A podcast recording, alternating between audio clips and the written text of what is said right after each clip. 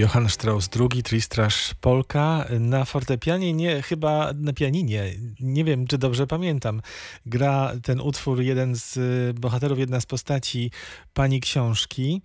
Chyba fortepian, chociaż z drugiej strony w, takim, w takim ekskluzywnym domu publicznym fortepian mógłby zaistnieć, mógłby się zmieścić. Tak, to zdecydowanie był fortepian. A, fortepian Nawet jednak. Steinway. Tak, nawet Steinway. No proszę. Ida Żmiejewska, autorka książki Warszawianka jest z nami. Pani Ido, nagroda wielkiego kalibru, do której pani jest nominowana. Ścisły finał, to jest duży sukces. Jakieś małe spełnione marzenie, zaskoczenie? Y, bardziej zaskoczenie, ponieważ y, zupełnie się tej nominacji nie spodziewałam, nawet tej pierwszej. E, kiedy znalazłam się na drugiej liście, na długiej liście, ponieważ e, oznacza oczywiście e, bardzo wiele. Wiedziałam na temat nagrody wielkiego kalibru, ale jakoś tak nigdy nie zastanawiałam się nad nią w kontekście mojej książki po prostu. Nie, nie wydawało mi się to, to prawdopodobne. Po prostu Warszawianka sobie po prostu wyszła i, i gdzieś tam funkcjonowała. Natomiast nie, nie przyszło mi do głowy, że może być brana pod uwagę właśnie w przez jurorów nagrody wielkiego kalibru. Więc e, już w maju, kiedy zobaczyłam długą listę i, i właśnie czytałam sobie tak spokojnie te nazwiska od początku i dojechałam do ostatniego i tak zaraz, zaraz Żmiejewska, chyba znam to nazwisko. I, takie, i po prostu to była taka, taka chwila takiego zawieszenia, po prostu naprawdę ogromna, ogromna niespodzianka, no i, i ogromna radość, ogromna satysfakcja, już to znalezienie się na długiej liście.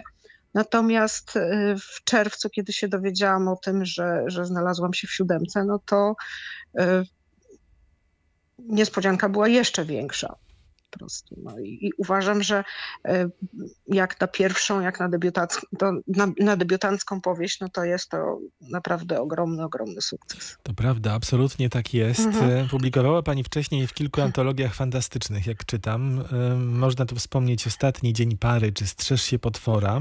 To są opowiadania, tak? Tak, tak. To były opowiadania fantastyczne. Czyli fantastyka była takim pierwszym wyborem literackim Idy Żmiejewskiej. E, można powiedzieć, że e, tak trochę życie mnie doprowadziło do tego, ponieważ e, ja zaczynałam pisać, tak, tak serio pisać kilkanaście lat temu, można powiedzieć, że dokładnie 17 lat temu. I zaczynałam, nie wiem, czy pan się tego doczytał, ale zaczynałam od fanfików do Harry'ego Pottera. I przez parę lat prostu bawiłam, bawiłam się, można powiedzieć, no, w cudzysłowie, w fanfiki potterowskie. Dzięki temu nauczyłam się warsztatu, nauczyłam się pisania, poznałam wielu fantastycznych ludzi i w pewnym momencie przestało mi to wystarczać. Stwierdziłam, że trzeba już po prostu wziąć się za coś swojego. E, I takim pierwszym naturalnym, można powiedzieć, ruchem, wyborem była, była fantastyka, ponieważ e, siedziałam w e, tym świecie już trochę właśnie takim, takim magicznym e, i zaczęłam, zaczęłam pisać właśnie opowiadania fantastyczne, nawet miałam pomysł na jakąś e, powieść. E, wzięłam udział w kilku konkursów, konkursach i w pewnym, ale w pewnym momencie się wycofałam z tego, ponieważ po takim namyśle dogłębnym uznałam, że jednak fantastyka to nie jest moja bajka, ponieważ tych moich opowiadaniach, jeżeli, jeżeli zapoznać się z nimi, to można zauważyć, że takiego na przykład światotwórstwa fantastycznego to, to praktycznie nie ma. Ja się cały czas e, skupiam na bohaterach, na tym, na tym, co się przydarza bohaterom i ten też sztafaż fantastyczny w pewnym momencie trochę zaczął mnie ograniczać. A że zawsze się interesowałam historią i szczególnie y, historią Warszawy, y, no to właśnie taki kryminał historyczny y, okazał się zupełnie naturalnym wyborem, bo jeżeli sobie tam przypomnę, co, bo, bo zdarzało mi się pisać już w dzieciństwie różne rzeczy, jak sobie przypomnę, no to gdzieś to też wszystko się kręciło koło historii. Więc y, uważam, że historia, historia daje świetne tło do różnego rodzaju opowieści, właśnie w tym też kryminalnych i no, bardzo chętnie z tego, z tego korzystam. Zanim pojawiła się Warszawianka, jeszcze takim pomostem było morderstwo w Widmo Ekspresie. Ja tutaj zacytuję. Eryk mhm. Potocki, ekspolicjant, wampir i abstynent, wzdrygnął się z zimna, a następnie postawił kołnierz jesionki i mocniej nasunął kapelusz na oczy. Z każdą chwilą nabierał coraz większej ochoty na wypoczynek w przytulnej krypcie rodowej willi. Niestety, dziś nie było mu to pisane, bo od prawie dwóch godzin tkwił w lodowatych podziemiach warszawskiego dworca centralnego i czekał na opóźniony pociąg do Transylwanii. Bardzo ładne. Y, I Warszawa naturalnym bohaterem pani książek się stała. E, no, tak, e, właśnie, właśnie wymyśliłam sobie kiedyś takiego bohatera, który nazywał się Eryk Potocki. Był w połowie wampirem, to znaczy miał tatusia wampira z hrabiowskiej rodziny, mamusię nieznaną. E, no i był właśnie takim można powiedzieć, detektywem trochę z takiego czarnego kryminału i prowadził śledztwa właśnie wśród e, takich różnych mieszkańców, e, właśnie magicznych, magicznych mieszkańców stolicy. I bardzo lubiłam tego bohatera, uważałam, że mi się całkiem udał i niewykluczone, że kiedyś, e, kiedyś do niego powrócę, no ale, ale na razie musi jeszcze poczekać na swoją kolej, choć kilka opowiadań właśnie z Erykiem zostało opublikowanych. Właśnie to, które pan przeczytał, Morderstwo w Widmo Ekspresie, to był w ogóle mój debiut y, na papierze, ponieważ ono zostało, ono zostało wydrukowane w 2012 roku y, w takim piśmie fantastycznym science fiction, fantasy and horror, które, którego już w tej chwili, w tej chwili nie ma.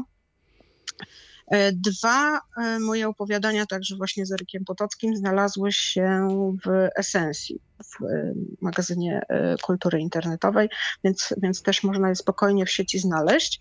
I właśnie przymierzałam się do tego też, żeby, żeby coś dłuższego napisać o, o Eryku, no ale postanowiłam właśnie zmienić, zmienić konwencję ale tak jak powiedziałam, niewykluczone, że kiedyś jeszcze się przeprosimy, ponieważ e, uważam, uważam że to jest e, bohater z całkiem sporym potencjałem. Na razie y, mamy powieść z Leontyną Rapacką w roli głównej. Mm -hmm. Tak, to nie jest, wampirzycą. Tak, to jest 1885 rok, końcówka, no prawie końcówka XIX wieku i ciągle trudny czas dla kobiet. Niełatwe życie mm. pani zaplanowała Leontynie. No niestety, no nie były to, nie były to łatwe czasy. Taka właśnie panna Leontyna, która w, czasie akcji Warszawianki ma 22 lata e, i jest panną z dobrej rodziny, bo to jest taka inteligencka rodzina o korzeniach szlacheckich, która zbiedniała po e, powstaniu styczniowym. Jej ojciec był adwokatem, mm, więc przedstawicielem e, inteligencji. Był adwokatem bardzo dobrym, wziętym, bardzo dobrze zarabiał. Matka też była taka, jak to się potocznie mówi, przy pretensji i starała się te swoje córki wychować na właśnie prawdziwe damy. I prawdziwa dama no to oznaczało to, że nigdzie nie mogła chodzić praktycznie sama, nie mogła nosa z domu, z domu wystawić. E, pewne rzeczy mogła czytać, pewnych rzeczy nie mogła nawet dotknąć. No i oczywiście nie miała nic do powiedzenia. Powinna słuchać e, rodziców, a najlepiej tatusia. Więc e, rzeczywiście, rzeczywiście, jeżeli chodzi o, o te czasy, no to kobietom wtedy wcale łatwo nie było. To jest ciekawe, to co mhm. pani, e, jak pani odmalowała ten czas, jakich, e, jakiej sytuacji i otoczeniu pani Leontynę umieściła, mhm. ponieważ Markowi Krajewskiemu zarzuca się od lat, że o kobiety w swoich książkach nie dba. On się broni, że taki to po prostu był czas. Pani bohaterką jest kobieta, ale tak samo role płci w społeczeństwie są jasno określone niestety. No niestety. Po prostu ten podział był bardzo, bardzo wyraźny i po prostu mężczyźni, mężczyzna był głową e, rodziny, on podejmował decyzje, on zarządzał finansami. E, e, kobieta przy, właśnie przy ołtarzu, kiedy brała ślub, przysięgała posłuszeństwo i po prostu kobiety były wychowywane już od, od najmłodszych lat właśnie w takim duchu, że co powie ojciec, a później co powie mąż, no to jest, to jest święte i po prostu z tym się nie dyskutuje. Więc y, tutaj Leontyna trochę się z tego schematu wyłamuje, ponieważ ona ma własne zdanie, ale to też może przez to, że, że po prostu ojciec miał takie, można powiedzieć, dosyć oryginalne podejście do wychowywania swojej córki, e, więc, więc ona, ona, tak jak powiedziałam, z tego schematu się trochę wyłamuje.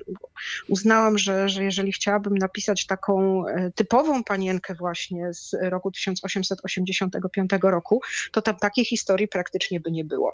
Po prostu. No. no Siedziałaby prawda. w domu i wyglądała przez okno. Tak. No tak, panienka z okienka nie byłoby o kim pisać.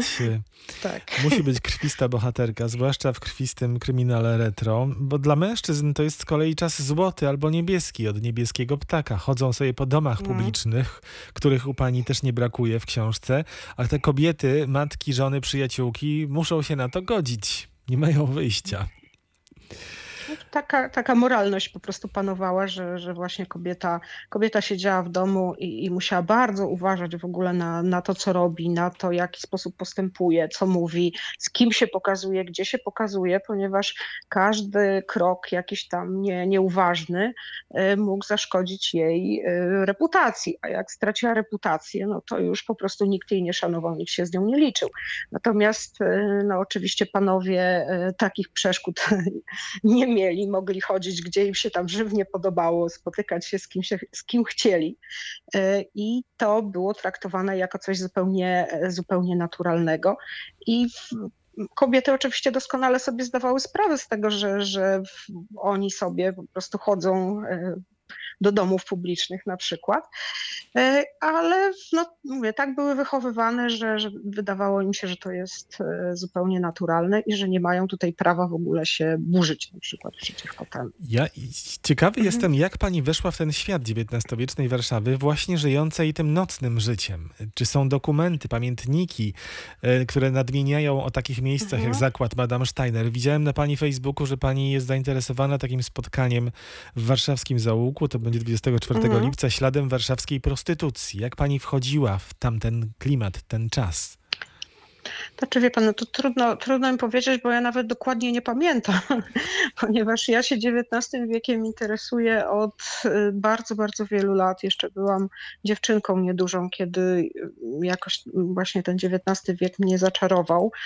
Na samym początku przez bardzo wiele lat było to głównie księstwo warszawskie i przeczytałam na ten temat no, sporo książek i sporo różnych, sporo różnych opracowań, ale w pewnym, w pewnym momencie właśnie odkryłam też końcówkę XIX wieku i tak można powiedzieć, że te moje zainteresowania się troszeczkę przesunęły.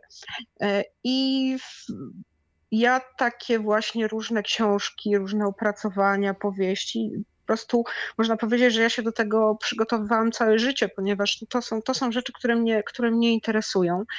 I gdzieś tam zawsze trafiały się, trafiały się jakieś, e, jakieś właśnie wzmianki też o takim, o takim nocnym życiu. Oczywiście e, ten przybytek Madame Steiner, który, który opisałam, to jest przybytek e, wymyślony, ale on jest wzorowany na takich przybytkach, które rzeczywiście istniały na ulicy Towarowej, bo ulica Towarowa właśnie pod koniec XIX wieku, kiedy, kiedy starano się wyrugować w ogóle domy publiczne, prostytucję z centrum, ponieważ to, to była plaga tego, tego po prostu było mnóstwo i, i naprawdę nowym światem e, nie można było spokojnie przejść, żeby jakieś właśnie e, panie lekkich obyczajów nie zaczepiały.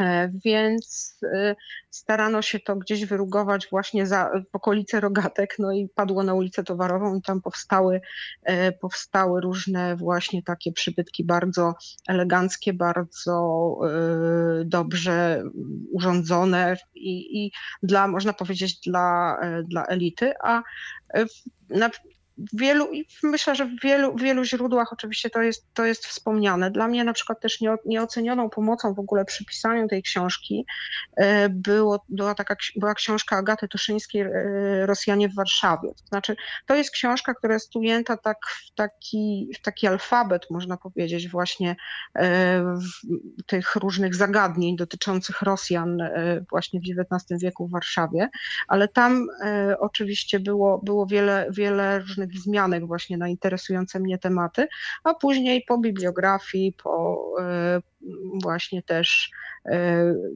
gazetach XIX-wiecznych na przykład, sobie tak wędrowałam i różne właśnie takie ciekawe rzeczy, e, ciekawe rzeczy e, wyszukiwałam.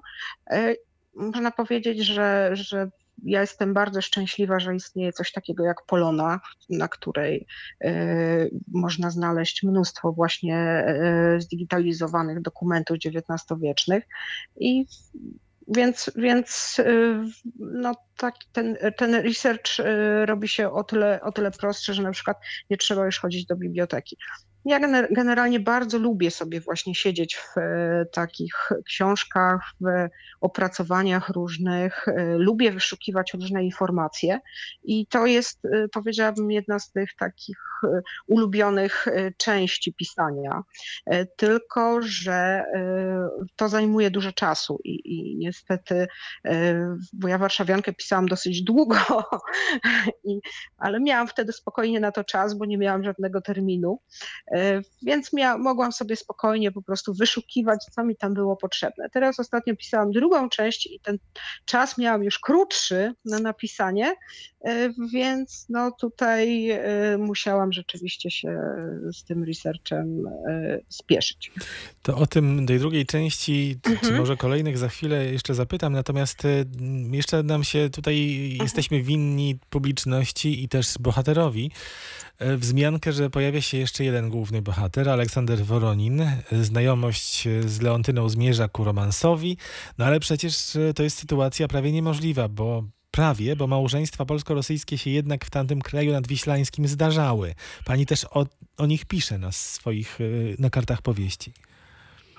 No tak, właśnie to, to y, można powiedzieć, że warszawianka, to znaczy y, sam pomysł na warszawiankę wyszedł od takich dwóch y, punktów, które, które ja sobie tam kiedyś, kiedyś wymyśliłam. To znaczy kiedyś sobie pomyślałam, że po pierwsze chciałabym napisać książkę, która, która właśnie pokazuje taki, taki związek i, i taką miłość polsko-rosyjską, a po drugie chciałam napisać książkę, która się będzie zaczynała właśnie nieboszczykiem w domu publicznym E, no i obydwa te, obydwa te warunki udało mi się spełnić. E, w każdym, w każdym razie e, no rzeczywiście tutaj, tutaj ten związek na razie on się, on się tak, można powiedzieć, dopiero, dopiero rozkręca, ale już widać, że nie będzie łatwo. Z tego względu, że rzeczywiście w tych czasach no, związki polsko-rosyjskie były bardzo, bardzo źle widziane.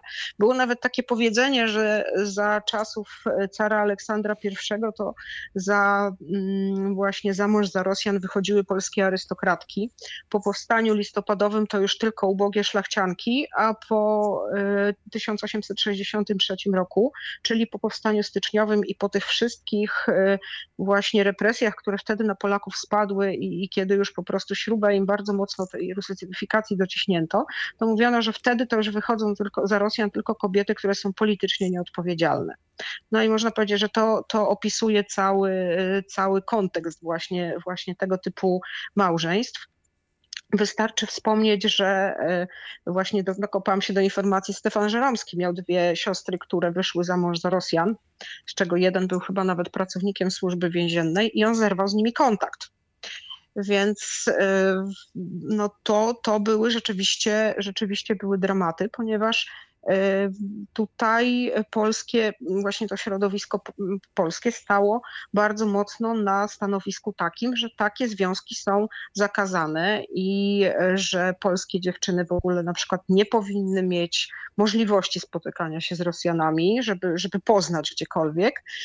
E, I e, takich właśnie związków, gdzie, gdzie właśnie Rosjanin żenił się z Polką, wcale nie było tak bardzo dużo. Znaczy w drugą stronę, gdzie Polacy żenili się z Rosjankami, było, było, było takich związków było trochę więcej, no ale wynika to z tego, że mężczyźni jednak byli bardziej mobilni, jeździli na studia na przykład gdzieś do Petersburga, prawda, czy, czy w inne rejony Rosji i y, była nad nimi mniejsza kontrola i często było właśnie było tak, że, że oni się z Rosjankami żenili.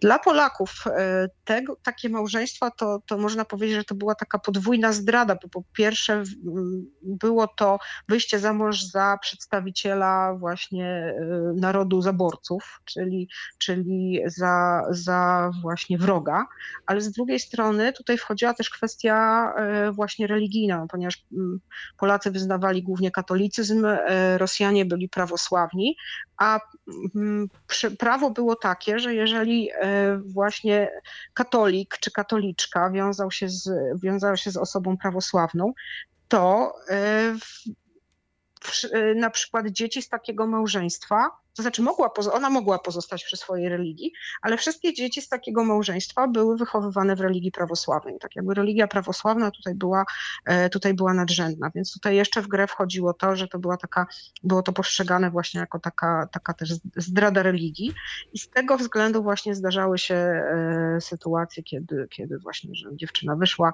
za Rosjanina, zrywa, rodzina zrywała z nią kontakt.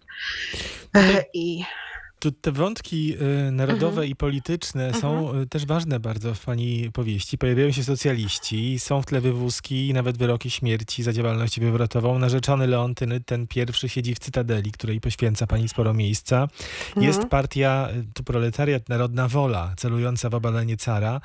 Oczywiście ona istniała naprawdę, ale ciekawy jestem, czy postaci z kart pani powieści są w całości wymyślone, czy może mają swoje pierwowzory? To znaczy, y, jeżeli chodzi o bohaterów tych właśnie głównych, y, czyli tutaj Leontyna, Aleksander i Ignacy, ten narzeczony, który siedzi w Cytadeli, on jest, to, są, to są postacie, które zostały przeze mnie wymyślone. Natomiast y, w Cytadeli siedzą postacie historyczne z, e, właśnie z Ignacym w jednej celi siedzi postać historyczna, tylko ja uznałam, że po prostu nie będę, nie będę się tutaj posługiwać nazwiskiem, e, tak jakby dawałam do zrozumienia i jeżeli ktoś się trochę interesuje tą epoką i interesuje się właśnie e, bardziej, bardziej tym, można powiedzieć, ruchem socjalistycznym i tym, jak to właśnie rozbijano ten wielki proletariat, no to myślę, że, że może spróbować zgadnąć, bo jest, jest tam kilka jest tam kilka właśnie e, postaci historycznych, ponieważ cały proces, właśnie ten proces, który, który się odbył i którym, w którym e, właśnie e, później cztery osoby zostały w styczniu 1886 roku powieszone na dziedzińcu Cytadeli, no to jest oczywiście autentyczne i, i starałam się, znaczy no starałam się tak wpleść w to tych moich bohaterów, żeby,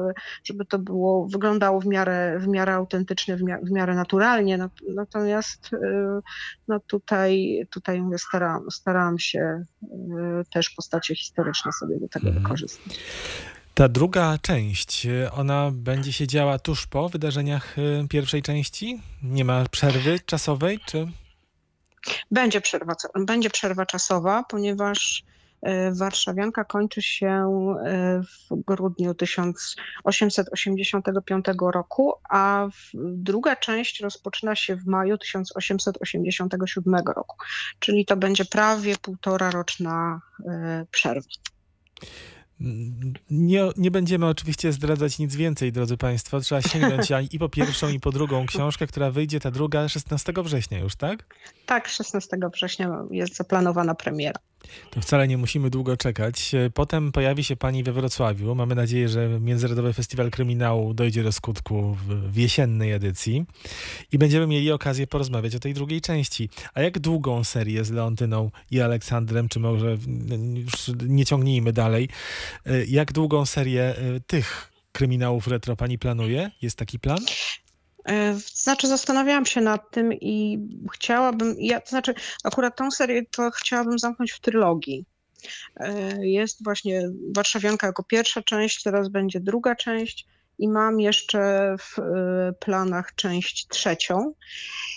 I raczej, jeżeli, jeżeli chodzi o, o o tych bohaterów, tak jakby konkretnie już o tą historię, to chyba na trzeciej części chciałabym ją zamknąć. Oczywiście ja nie wykluczam tego, że napiszę, y, jeżeli napiszę książkę, która się będzie działa, nie wiem, 20 lat później w Warszawie na przykład, to tam y, jacyś bohaterowie się nie pojawią właśnie, którzy, którzy y, występowali w Warszawiance, ale, ale jeżeli chodzi właśnie o, o Leontynę Aleksandra, no to tak jak powiedziałam, chciałabym, żeby to były, żeby to była trylogia. Mhm.